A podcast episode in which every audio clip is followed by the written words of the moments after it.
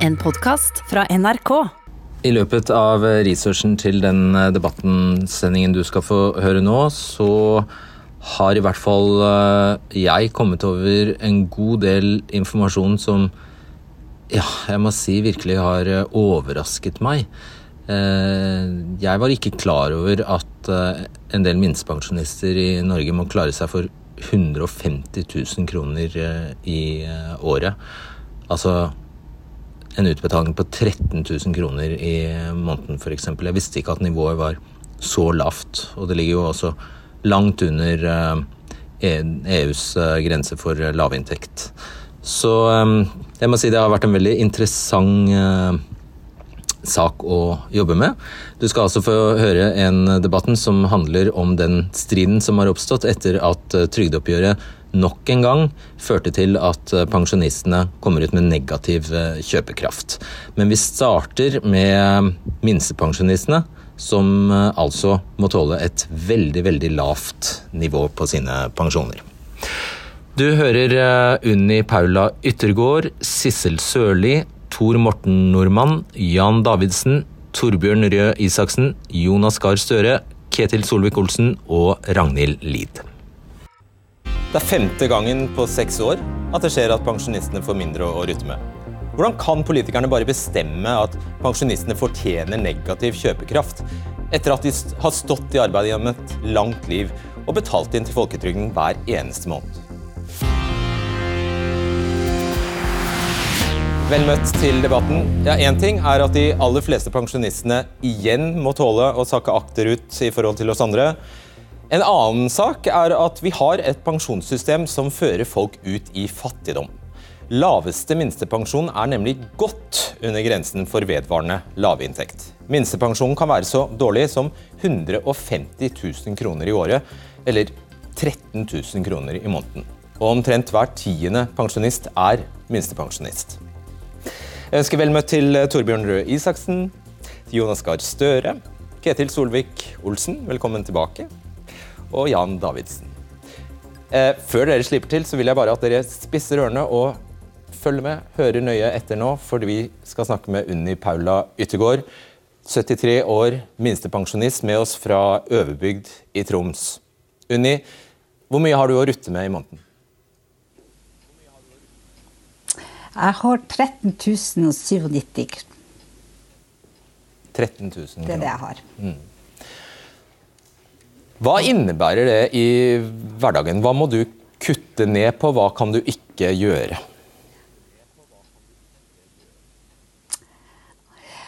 Hadde jeg vært alene, så er det mye jeg ikke kunne gjort. Det, jeg har ikke kunnet sitte med en enebolig. Det hadde jeg ikke klart de løpende utgiftene som er, både når det gjelder eh, eiendomsskatt og ja, alle, alle, utgiftene som følger med en enebolig. Eh, eh, jeg har ikke kunnet deltatt og vært på ferie eller turer som jeg er veldig glad i å fare på. Det er mange ting jeg måtte ha sagt nei til. og ikke kunne vært med på. Flertallet av norske minstepensjonister er kvinner som deg. Hvordan ble du minstepensjonist?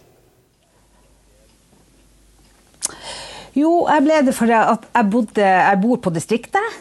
Jeg har eh, tre barn. Eh, var, jeg hadde en mann som eh, reiste til sjøs. Eller var på havet hele tida. Det var dårlig med arbeid i distriktene. Det var kollektivtilbudet var ikke der, og heller ikke barnehager. Så derfor valgte jeg å være hjemme med mine barn, og syns jeg gjorde en kjempestor innsats for samfunnet. Og sikkert for barna også, vil jeg tro. Du, får, eh, du, du har politikerne foran deg her. Hva vil ja. du si til dem? Hva jeg vil si, Det er veldig mange jeg skulle ha sagt. Jeg syns det har vært eh, veldig kvinnediskriminerende det de har drevet med. Og aldri sett på oss kvinner som har bodd i distriktene f.eks. og vært hjemme med våre barn. Vi har eh, måttet ta alt det som ikke menn kunne gjøre, eh, som snømåking. Det har vært ta, ta opp kloakk. Ja, vi har måttet gjort uhorvelig mye. Men det er det ingen som har sett hva vi har gjort. Og takken er altså 13 000 kroner i måneden ja. under Perla Yttergård. Jeg sier Ja, det er takken. Ja. Og takk for at du var med i kveld. Da skal jeg snakke med deg, Sissel Sørli. Det er kanskje noen som drar kjensel på deg fremdeles. Husker deg fra borettslaget på eh, NRK. Nå er du lokalpolitiker i Indre Østfold for Senterpartiet. Ja. Eh, håper det går bra med helsa? Helsa? Ja. ja, ja jeg, jeg har ikke Ja, det noe bra. korona. Nei, det er bra.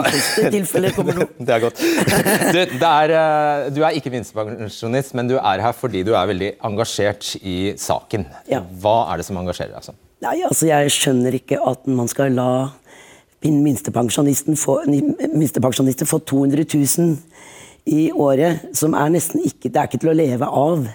Og det er basert på at de kan gå og få bostøtte og gå på sosialen for å kunne overleve.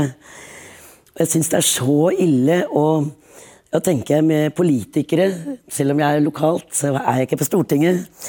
Og jeg ønsker at de skal nå tenke seg selv at de eh, har 200 000 kroner i året de skal leve av og bruke og leve, altså ha et liv med. da. Det, det skjønner alle at det ikke går. Og det hjelper ikke om de får bostøtte, som noen snakker om, for det er jo en liten sum. Og så øker husleia, så den bostøtta har egentlig ikke noe å si i den forstand. Så jeg syns at de kan heve denne pensjonen til 230 000-40 000 på et blunk. De bør ikke vente og vente og legge på 0,5 prosent.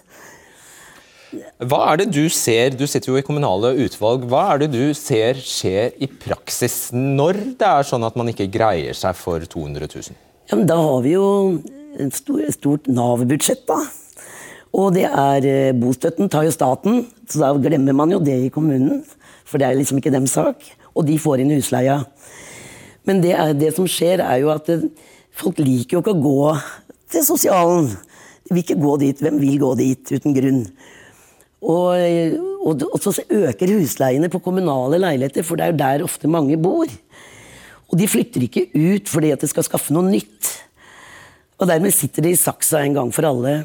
Og de kan aldri gå på noe sosialt og gjøre noe morsomt. Og de kan i hvert fall ikke spise biff på lørdag, liksom.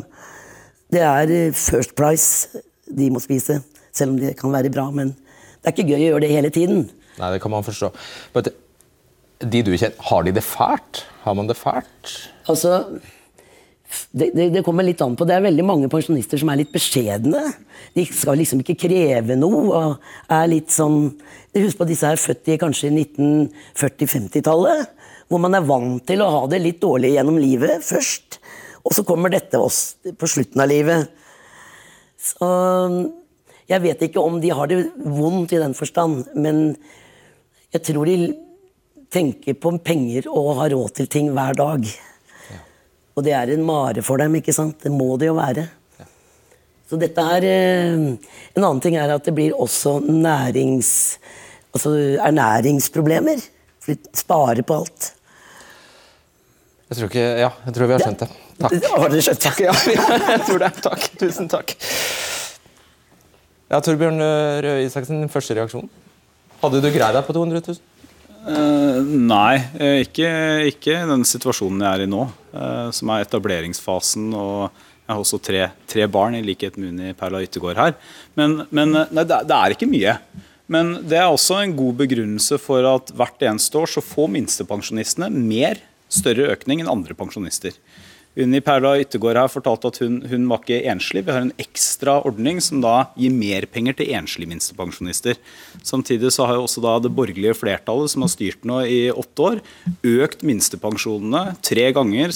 Enslige minstepensjonister så betyr det 12 000 kroner ekstra utover det de ville fått i systemet Og som hvor mye var. var du sjenerøs nok å bevilge til enslige, enslige minstepensjonister i år, da? Nei, I år så er enslig minstepensjon på 204 000. Eh, og så kommer det jo andre ting også som, Jo, men som spiller, hva- hva ble spiller på? inn. Nei, økningen i år, nå husker jeg ikke akkurat prosenten. 1872 kroner? 1872 kroner. da nok. Po er- Poenget mitt eh, Solvang, det, var at, det var at det er riktig at vi har en ordning hvor minstepensjonister hvert eneste år får en større økning enn det andre pensjonister får. Ja, det kommer vi til. Ja. Jeg har ikke nevnt andre pensjonister ennå.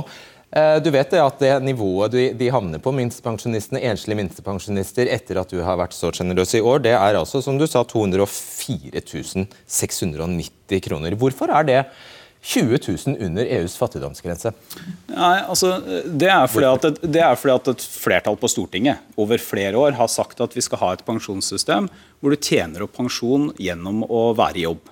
Men så har også det flertallet som har styrt nå i sju år, sagt at vi skal ha ekstraordinære løft for minstepensjonistene. Ikke minst har Fremskrittspartiet vært ivrig på det, men det har også stortingsflertallet som styrer nå vært med på. Du vet jo selv men, at du ikke svarer på spørsmålet mitt. Hvordan ja, kan et storting da, med viten og vilje, bevilge så lave pensjoner at de faller langt under EUs fattigdomsgrense? Hvordan det, er det mulig? Det, det, er også sånn, eh, Fredrik, Jeg er helt enig i at det er et lavt nivå. Men det er også sånn at for det første har disse minstepensjonene altså Nivået på minstepensjonene har blitt høyere. Men det andre er at det også andre ytelser i det norske samfunnet som ligger under det som er EUs eh, e definerte fattigdomsnivå. Eh, og det at vi har et pensjonssystem som gjør at hvis du jobber og tjener opp pensjonspoeng, så får du også høyere pensjon, det er riktig. Men da er det også riktig å ha ekstraordinære løft for minstepensjonistene, som vi har hatt i de siste åra. 200 mm. 000 er faktisk eh, veldig høyt i den sammenhengen her. For er du så uheldig å være ugift eller samboende, Jonas Gahr Støre, da får du 158 621 kroner i årlig minstepensjon. Hvem greier seg for det? Nei, Det er eh, nesten ikke mulig å greie seg for det. Da må du gjennom ofre og valg i livet som ikke skal være i Norge. Og dette føyer seg jo inn i et ulikhetsbilde vi ser i Norge. Sårbare grupper, enslige minstepensjonister, er blant dem helt i front.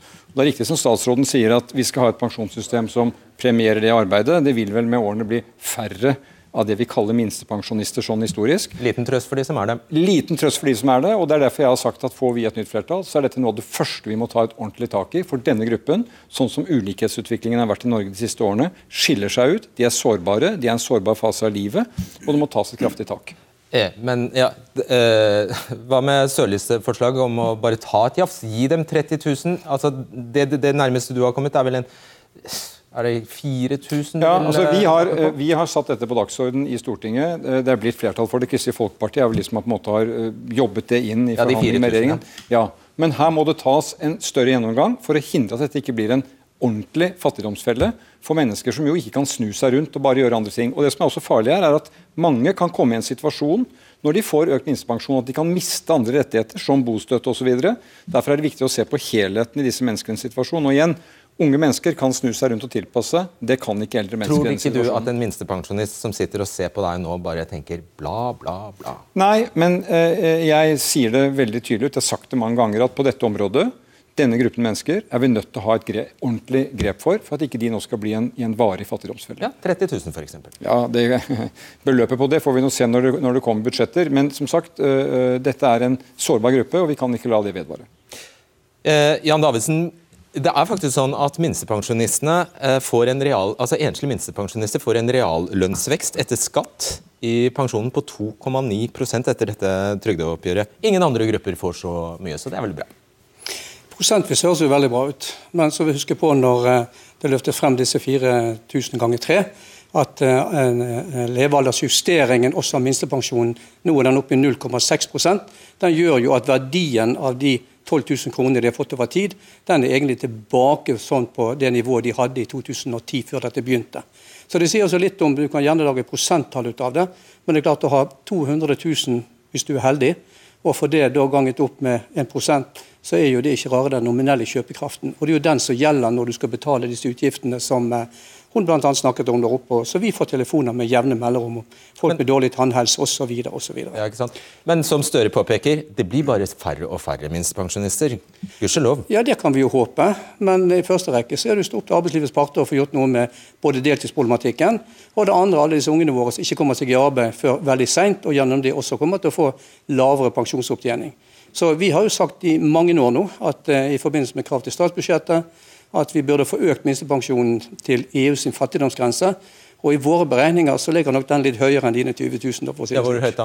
Nei, Vi ligger tett oppunder 240 000. hvis du regner ja, fordi det er jo litt forskjellige sånn. definisjoner Men, her. Eh, det er noe så et jafs på 40 000, ja, noe mener vi. Men ikke jafs. Vi har sagt du kan gjerne bygge det opp. Men målet må være at du må ligge der. Når man definerer en fattigdomsgrense, så skal ikke voksne folk i Norge gjennom et langt liv havne under den. Det er liksom vårt Nettopp. utgangspunkt. Ketil Solvik-Olsen, eh, tre ganger ga den regjeringen du, dere satt i, en sånn slant på 4000 kroner til minstepensjonistene. Hva førte det til, egentlig? Det var tre ganger vi ga et ekstraordinært løft på 4000, mm. som betyr at minstepensjonen var 12 000 kroner høyere enn den ville vært om en bare gjennomførte Arbeiderpartiets pensjonsreform uendret. Og så hørte du hva Davidsen sa. Jo, derfor jeg, altså, Det er jo derfor Fremskrittspartiet har kjempa pensjonistenes sak å gjøre dette løftet. Det var derfor vi var eneste parti i Stortinget, dessverre eneste, som stemte imot pensjonsreformen. Ja, men ikke gå det, nei, nei, men, før, du, før men, du, ser til, tilbake. Altså, Han sa at de 4000 kronene som dere tre ganger kalte en gave til pensjonistene, de er spist opp. Sånn at det du egentlig gjorde, var bare å utligne. Jo, men, men, du, nett, du, sørget for at nettopp, nivået var helt likt. Og nettopp det, jo, men Hvis vi ikke hadde gjort det, så hadde det jo vært en nedgang òg der. Ja, men Det er en rar gave, da. Nei, nei, poenget er at Det er jo derfor Fremskrittspartiet skulle fått enda mer gjennomslag for de løftene. Sånn at ikke konsekvensene av pensjonsreformen hadde blitt så ille som det. Det vi hørte her, var to historier fra folk som ønsker å være økonomisk uavhengige, som ønsker å leve av egen inntekt og kunne stolt gjøre det uten å være bekymra. Og jeg tror det er mange som hører nettopp det du sa, Solvang. Bla, bla, bla. Fordi at Når Støre sier at hvis han får komme inn i regjeringen for en tredje gang, da skal han fikse det. Problemet var jo at Pensjonsreformen ble jo starta første gang han satt i regjering. Han ble gjennomført andre gang han satt i regjering. Og det var da mange av disse kuttene vi nå diskuterer, faktisk ble vedtatt. Ketil Solvik-Olsen, du burde rødme på vegne av Fremskrittspartiet. Dere har sittet i regjering i syv år med finansministeren. Og Vi har prøvd å rydde så godt vi kan. Dessverre så var vi alene i opposisjon. Vi var alene i posisjon med å prøve å gjøre dette. Du, du oppfører deg som en pyroman som prøver å beskylde andre for at det brenner og anklager brannvesenet. Det er din pensjonsreform som vi nå diskuterer. Du burde rødme i forhold til dette. Dere har sittet i regjeringsposisjon i sju år. Dere er støtteparti til regjeringen. Når kom det et initiativ, et utspill fra dere som sa at nå tar vi tak i dette og gjør noe med det? De 4000 kronene som er kommet, er kommet etter initiativ fra Stortinget. På dette området så har dere prioritert å kutte formuesskatten, gjøre usosiale uh, skattetilpasninger som ikke har kommet disse menneskene i nærheten av til gode. Så de forslagene dere kommer med nå, det, eh, dere har ikke gjort noe i regjeringsposisjon, og dere har veldig liten troverdighet på det. Vent med å ja, Nå skjønner jeg at jeg ikke er noen slags overdommer mellom uh, Frp og Arbeiderpartiet, men det er nå sånn at sant, Stortinget, bredt flertall på Stortinget, Frp var uh, utenom, uh, ville ha ønsket en pensjonsreform. Hvorfor det?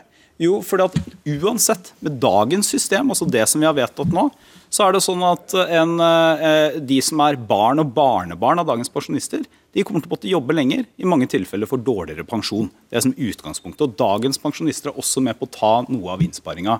Men så er det jo sånn, helt riktig som Ketil Solvik-Olsen sier, at med det borgerlige flertallet som har vært nå, som Jonas Gahr Støre i andre sammenhenger kritiserer, så har vi tatt løft tre ganger for enslige minstepensjonister, 12 000, som har gjort at de har fått mer penger enn de ellers ville gjort de ellers i det systemet det, vi hadde. Det er jo ingen trøst. Jo, men, det, ja, men det er jo ikke riktig riktig, det er jo ikke riktig, Solvang. Altså, selvfølgelig så er det sånn Du har først lagd et system som sørger for at pensjonen deres krymper, jo, og så gir du en gave ja, på 4000 kroner som bare innebærer det, at pensjonen blir den hva, samme. Hva betyr det? Det betyr at uh, minstepensjonistene har hatt vekst på linje med lønnstaket i Norge. I tillegg så har det kommet ekstra løft da. Vi har ekstra systemer for enslige minstepensjonister. I tillegg er det jo feil det Støre sier at skatt og avgift ikke har noe å si for disse.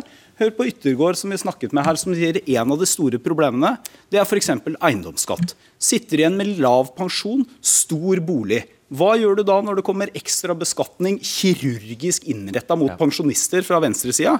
Regninga går jo fra den samme pensjonen. Og når vi viser at med regjeringa og flertallets skatteopplegg så har minstepensjonistene fått størst kjøpekraft av alle pensjonistgruppene, så har de noe å si i lommeboka til folk. Davidsen, veldig kort. Veldig kort. Alt det disse snakker om er nivået på pensjon, ikke reguleringen. Så Det ene er jo hva nivået det vil ligge oss på når vi snakker da maks 200 og 4000 kroner ned til de andre satsene. Og Det andre er jo selvfølgelig reguleringsregimet. Det kommer vi til. Aldeles strakt. Veldig kort. Jo, men altså, Hele den debatten blir bla, bla, Støre. Når du står og sier vi ikke har gjort noen ting, da ignorerer du at vi har redusert avkorting av pensjoner. Vi har altså økt nivået for minstepensjonistene utover det som ditt system tilsa. Og vi har redusert skattene på pensjonistene. Hvis du ikke har fått med deg det, så har du jo sovet i timen. Men det som uansett er faktum her, det er at den pensjonsreformen som ditt parti har kjempa fram, er det som vi nå står og diskuterer. Hvorfor blir det en underregulering? Hvorfor er pensjonsnivået gått ned istedenfor opp? Det og det er som følge av den politikken dere har ført. Men, men det, det står i denne pensjonsreformen at vi som politikere kan vurdere særlige forhold. Mm. Og de forholdene som Jan Davidsen beskriver, er helt riktig. Det har brakt oss der vi er. Det er jo ikke noen automatikk, mekanisk automatikk i at alle utslag av, av, av det som øh, skjer når, når, lønninger og pensjoner utvikler seg, at det bare sier vi sånn må det være.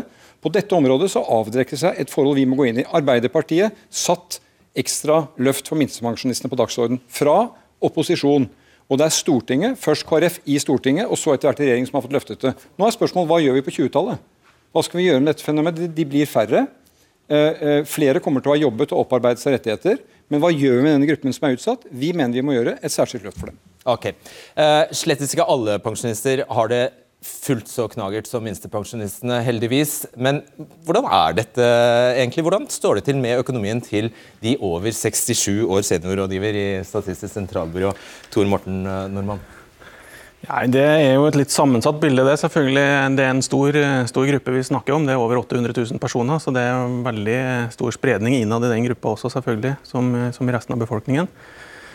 Men ser vi på litt stort på det, og på litt lang sikt, så har jo den eh, aldersgruppa hatt en veldig god inntektsutvikling. De siste ti årene vi har data for, i hvert fall, så, så var inntektsutviklingen svært god. Kanskje bedre for, enn for resten av befolkningen. Men ser vi igjen på litt kortere sikt, da, de siste fem årene vi har data fra, fra 2013 til 2018, så er bildet litt svakere og mer nyansert. Da er det faktisk noen undergrupper i den eh, alderskategorien også som har hatt eh, negativ inntektsutvikling. Hva er grunnen til det? Det henger nok eh, mye sammen med at også norske husholdninger totalt sett har hatt dårligere inntektsutvikling i de årene. Spesielt 2016 og kanskje også 2017 var dårlige inntektsår for norske husholdninger. og det er jo sånn at Median samla inntekt for norske husholdninger var lavere i 2018 i realverdi enn den var i 2013. Så det spiller nok også over på, også på pensjonistene. Mm. Er det en myte, eller er det snev av sannhet i dette omkvedet at uh, de eldre har god råd? Ja, det, igjen så er vi litt tilbake til dette med hva mener vi med god råd og ikke god råd. Altså, det, hvis vi snakker om bare inntekt, så, så, er vi også litt tilbake til at bildet er sammensatt. Noen har eh, god inntekt. Eh, det store flertallet har, har såpass god inntekt at de klarer seg godt, vil jeg tro. Men da er vi kanskje litt tilbake igjen til det, vi, til det som ble snakka om her i stad, nemlig at det er noen som er mer utsatte, og da spesielt minstepensjonistene. Hvor mange er det av dem? Ja, det, nå tror jeg at det ligger rundt 140 000-150 000 et sted. Så det er såpass, ja. Eh, men det er ikke alle der som har det like vanskelig heller. Vi må understreke Det Altså, det er stor forskjell på minstepensjonister som bor alene, og minstepensjonister som ikke bor alene. Det er spesielt de aleneboende som er utsatt, og som havner i lavinntektsgruppa. Mm. Stemmer det at det blir stadig færre av dem? Nei, eller jo, det gjør jo for så vidt det. da. På lang sikt så, så blir det færre minstepensjonister. Eh, så, så, det blir det nok. Så av naturlige årsaker, eller? Nei, det har nok mye med at mange av de som kommer inn i gruppa, har nå tjent opp nok pensjonsrettigheter til at de kommer over minste pensjonsnivå. Og Så er det noen som ikke, ikke gjør det.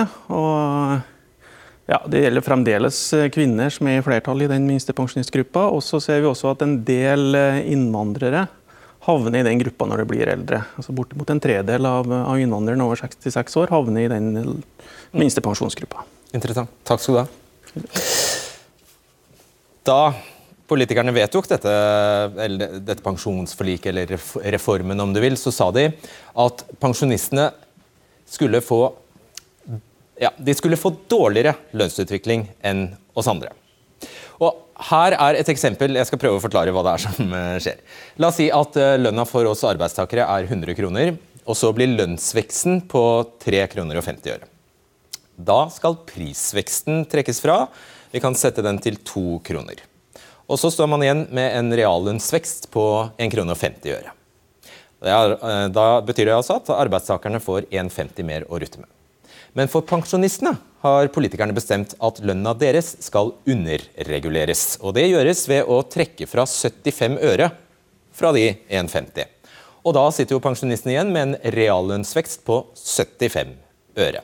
Men det er lenge siden vi hadde så gode lønnsoppgjør som eh, dette, og pensjonistene går i pluss kun når reallønnsveksten for oss andre er høyere enn 1,5 og I år ble den reallønnsveksten på skarve 0,3% Og Det gir pensjonistene negativ kjøpekraftutvikling Altså minus 0,2% for dem i år.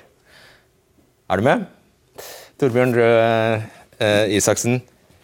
Nei, vet du hva vi skal gjøre nå? Nå skal jeg ta en runde der dere rett og slett svarer ja eller nei på et veldig enkelt spørsmål. Er det riktig at pensjonistene skal få mindre reallønnsvekst enn oss andre? Ja eller nei? Ja. Eh, ja. Nei. Nei. Hvorfor? Fordi at uh, dette gjelder ikke bare nåværende pensjonister, men pensjonister i alle generasjoner fremover. Og de som er uh, barn, barnebarn, unge i dag, de kommer til å måtte jobbe lenger, i mange tilfeller få dårligere pensjoner. Og da er det også rimelig at dagens pensjonister bidrar til det for å få et bærekraftig pensjonssystem, som ikke gjør at Norge får store problemer i framtida. De har jo betalt inn hvert eneste, hver eneste måned trekkes det 18% i trygdeavgift i alle år de har stått i jobb, og så skal du bare komme og halvere utbetalingen? Ikke Nei, ikke utbetalingen, men økningen. Vi kommer sikkert til det. Du skal ikke komme dit. Arbeiderpartiets forslag er at du skal aldri, i en situasjon hvor vi andre går i pluss, så skal aldri pensjonistene komme i minus. Nei, det er greit vi kommer til det, men hvorfor ja, det er det riktig prinsipielt å faktisk gi dem mindre? Har, det har med det langsiktige og dugnaden å gjøre. Vi har en måte å regulere pensjonene på i Norge som er mer fordelaktig for pensjonistene enn i de aller, aller fleste land.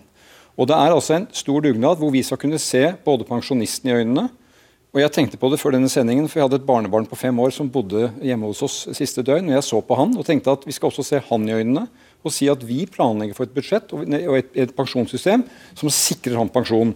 Og Da handler det om at de som er ute og arbeider, de ser vi nå under koronaen. De kan oppleve permittering, oppsigelser, eh, produktivitetsendringer ute i arbeidslivet. Er du pensjonist, så skal du være trygg på pensjonen. Men pensjonistenes bidrag til denne dugnaden er at de ligger litt under det som lønnstakerne der ute uh, bidrar med. Det er ikke mye til dugnad når du bare har bestemt det for dem, da? Nei, men dette har et bredt stortingsflertall vedtatt fordi at det sikrer pensjonene på sikt. Andre land har jo pensjonssystemer som er fullstendig fallitt. Folk har grunn til å være utrygge. Og hos oss så kan du også være trygg på den offentlige fellesskapets pensjon. Du slipper å måtte tenke på at du må gå alle veier og ta dyre private løsninger, og det skal vi hegne om. Hvorfor svarer du uh, nei? Vi var det eneste partiet som stemte imot pensjonsreformen. Nå hadde vi nettopp en runde på det der Støre prøver å legge skylda på Frp for at ikke vi klarer å rette opp i vedtak som de har gjort. Men vi trenger det flertallet. Derfor må pensjonistene samle seg, stemme på det partiet som faktisk kjemper deres sak. Men dette er rettigheter de har tjent inn ved at de har betalt inn. Og Det er jo litt rart da, at når en diskuterer bistandsbudsjettet, så sier alle disse partiene at det skal alltid være minst 1% av BNP. Mens når det gjelder pensjonistene, så er regelen at det skal alltid reguleres ned mindre enn det andre har i lønnsvekst. Det viser jo hvilke prioriteringer det har. Og Vi mener det er viktig og riktig å prioritere de som har vært med og bygd landet. Om de har vært direkte i arbeid, eller sånn som minstepensjonister, som gjerne mer har vært med og prioritert familien, men som òg er en del av det å bygge lokalsamfunnet. Mm. De fortjener å kunne leve av den inntekten pensjon uten at de skal frykte at sosialkontoret må være med og spe på.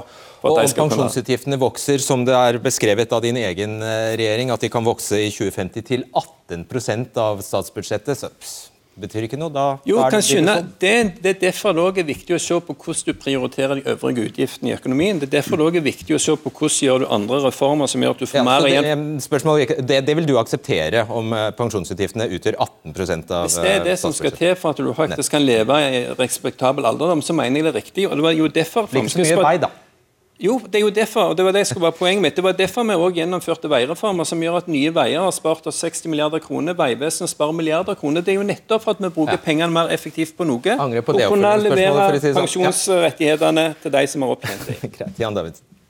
Nei, jeg sier jo nei, fordi at uh, det er jo langsiktige i det som uh, Støre var inne på.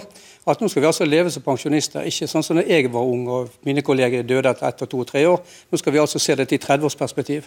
Eh, regjeringen har satt i gang et arbeid om å leve hele livet, aldersvennlig samfunn. Og Det er jo en oppfordring da til også pensjonistene å eh, fortsette omtrent som de gjorde før. Og Da kan du ikke ha denne underreguleringen. Da må du forutsette at de også skal ha den nødvendige kjøpekraften til å kunne delta, ansvar for egen helse og leve som de andre kan. Så Derfor mener vi det at om laget som lønnsveksten hadde vært det vi burde gjøre. Og så vil vi gjerne selvfølgelig ha tilbake den forhandlingsretten som gjorde at vi i 2008 kunne løfte minstepensjonen til 2G. For det var en del av et forhandlingsresultat vi hadde. Ja, Der kommer du inn på en kjepphest du har, men det er egentlig strengt at du står helt alene om å ville ha den forhandlingsretten, som ville innebåret at ramma forble den samme, altså pengene som var satt av til pensjon, forble den samme, men at du fikk mulighet for å flytte penger internt, f.eks. vekk fra utdanningsgrupper og til minstepensjonister. Stemmer det? Ikke for de yrkesaktive vi snakker om. Vi Nei. snakker alderspensjon. Ja, ikke sant? noen pensjonister til andre pensjonister. Jo, men det er jo det, det, er jo det partene i arbeidslivet gjør hvert eneste oppgjør. De omfordeler. Og det var det vi gjorde så lenge vi hadde forhandlingsretten, nettopp for å sikre at minstepensjonistene også skulle få sin andel av kaken, siden de òg okay. har en utgiftsøkning som resten. Men, men, men det, ja, bare for å si at det er, det er en veldig dårlig idé. Eh, også fordi det er en forskjell på lønnsoppgjør og pensjoner som du har tjent opp.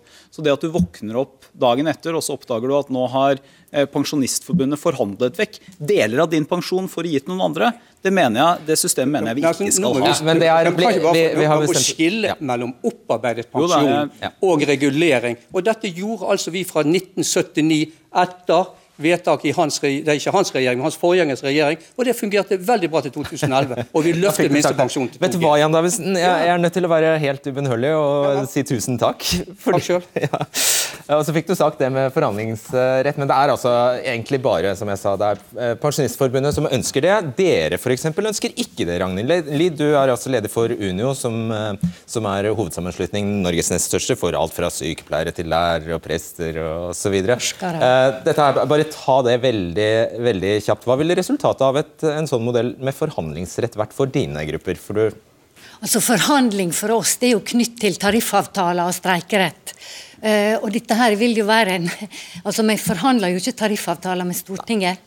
Nei, og det, du, du, det, jeg ville frem til, fiske ut av deg, var at du kunne vel kanskje ha grunn til å frykte at han ville forhandle vekk pensjonen til dine medlemmer? Altså Det som skjedde i 2008 når de forhandla på det, det var jo at eh, alderspensjonistene fikk dårligere uttelling på bekostning av minstepensjonistene. Så da blir det, som ja. politikerne er inne på, da blir det det spillet. For... Du, ja. La, oss snakke, la, oss glemme det med forhandlingsrett. og Så går vi, går, går vi på dette her, eh, dette her med, uh, med, at kutting av pensjonen. og Der finnes det altså forskjellige modeller. Den modellen vi har i dag, den sørger altså for, som vi har sett, at fem av de seks siste årene så har pensjonistene kommet ut i minus. Og Det finnes en annen modell som vil sørge for at de aldri kommer ut i minus, men det er en stor ulempe, eller det er en ulempe med den modellen også, for da får man pensjonistene mindre i veldig gode år. Hvilken foretrekker dere? Altså, Vi foretrekker den som eh, sier at du skal regulere pensjonen med gjennomsnittet av lønnsveksten og prisveksten. Det er litt vanskelig. Ikke den vi har i dag? Ikke den vi har i dag. Eh, fordi den en har i dag, med den lønnsutviklinga vi har hatt faktisk de siste åra, den gir konsekvent pensjonistene mindre, altså de gir dem en realvekst som ikke er i tråd med prisveksten. Altså de gir dem dårligere kjøpekraft. Kan sånn kan ikke vi ha det. Umulig har vært meningen fra Stortinget at pensjonister skulle gå i minus? Jeg tror, jeg tror, ingen på Stortinget den gangen dette kom under, under Stoltenberg-regjeringen, hadde sett for seg at man skulle ha så mange år med, med svake oppgjør. Så Det er egentlig to ting å si om det. Det ene er at Når det gjelder akkurat måten vi beregner dette på fra år til år, Eh, Regjeringa og Høyre pragmatiske på det, men vi har nå satt ned en pensjonskommisjon som skal gå gjennom alt dette. og Det er fornuftig å se det i sammenheng. Den andre tingen er at skal den være ferdig, du? Nei, De skal være ferdig i 2022. Men det andre her, jo, men det andre her er at dette er ikke så enkelt som at uh, Arbeiderpartiet for eksempel, har ikke noe mer penger alt i alt. Og Hvis du gikk av med pensjon i 2011 f.eks., så er du 5000 i pluss med den modellen vi har i dag, sammenlignet med hva det ville vært med Arbeiderpartiets modell, som da gir deg mindre nedtur i dårlige år, men også mindre opptur i da, år. Artig du sier det, for her har Arbeiderpartiet snudd kappa etter vinden nå. Nei, men da, jeg har jeg konsultert Sigbjørn Johnsen, de som satt i kommisjonen, og de sier veldig tydelig da de diskuterte pensjonsreformen, så var det snittet av lønn og pris. Det var det man sa. Og så kom man på en sånn slags teknisk ordning som man trakk fra 0,75, som du viste Eh, og da skjer det som er skjedd de siste årene. Nemlig at vanlige lønnsmottakere får bare litt i pluss. Da går pensjonister i minus. Da har vi sagt la oss gå til det som var temaet da vi diskuterte det. Snitt av lønn og pris. Da kan ikke pensjonistene gå i minus når vi går i pluss. Det som fascinerer meg med Fremskrittspartiet, for la meg ta det helt klart som er så mot reformen De satt altså i regjering i syv år. Dette forslaget var fremmet i Stortinget, stemt ned.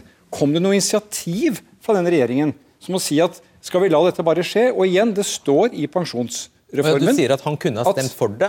Hvis han var veldig imot det som skjer nå, så kunne han ha stemt for det? Nå er de ute av regjering, nå kan de stemme for det. Men da de var i regjering, så var det arbeidsminister og finansminister. Det kom ikke ett initiativ. Og poenget er, det står i pensjonsreformen at vi skal følge med på særlige forhold. Og dette er et særlig forhold. Det går an å gjøre noe med det, men de borgerlige partiene stemmer det ned. Det, det er ikke riktig det du sier, Støre. og Derfor blir det bla, bla, bla når du snakker. Hva er feil med det? For det første så gjorde vi løftet på minstepensjonister, som du ignorerer. Det er ikke det nå. Nei, men, reguleringen? Jo, han sier vi gjorde ingenting. For det andre så gjorde vi noe i forhold til avkortning. For det tredje så gjorde vi økt for kjøpekraft gjennom lavere skatt.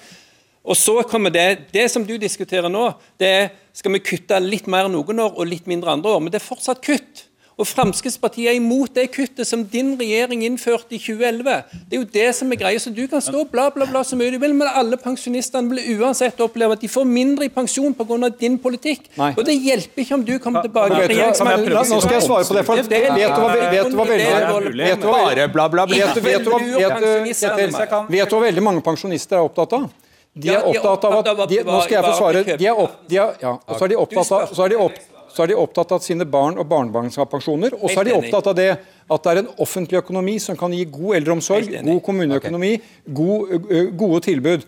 Og Det er en, også et regnskap hvor din regjering ikke leverer, okay, hvor det kuttes. og det går utover Ragnhild Lid er så høflig at hun skal få Vær så god.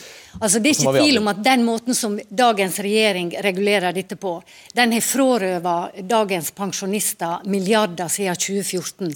Det er det vi er opptatt av nå. En må finne en annen måte å regulere dette på som gjør at pensjonistene får realvekst i inntekten sin når arbeidstakerne har realvekst reallønnsvekst. Fem sekunder har du. Dette var det konstruktive. Det kan det godt hende vi skal, men da må vi gjøre det på en skikkelig måte. og Da må vi se hele pensjonsreformen i sammenheng. Så litt tålmodighet. Men det er helt riktig som Støre sier, det går an å gjøre det på andre måter. Men det er altså ikke sånn at Arbeiderpartiet har mer penger alt i alt.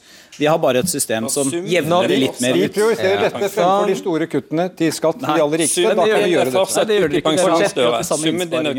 Fortsett et annet Takk. Hjertelig takk. Eh, debatten er tilbake torsdag. I mellomtiden kan du jo kose deg med gamle debattensendinger i NRK TV. Vi ses. Ja, de snakket jo eh, såpass mye i munnen på hverandre her på slutten at det var sikkert vanskelig å få med seg hva som ble sagt. Det er litt eh, dumt. Jeg skal forsøke å styre dem eh, bedre neste gang. Og så tror jeg vil legge til at det glapp ut av meg at Jonas Gahr Støre bare sa bla, bla, bla. Eh, det angrer jeg egentlig på, både fordi at det var litt for eh, uærbødig eh, og ikke helt god takt og tone, men også, ikke minst, fordi Ketil Solvik-Olsen jo hang seg opp i det og brukte det for alt det var verdt. Så det skulle jeg ikke ha gjort. Ellers så må jeg bare si takk for at du hører på podkastversjonen av debatten. Vi er som sagt tilbake på torsdag. Ha det. Du har hørt en podkast fra NRK. Hør flere podkaster og din NRK-kanal i appen NRK Radio.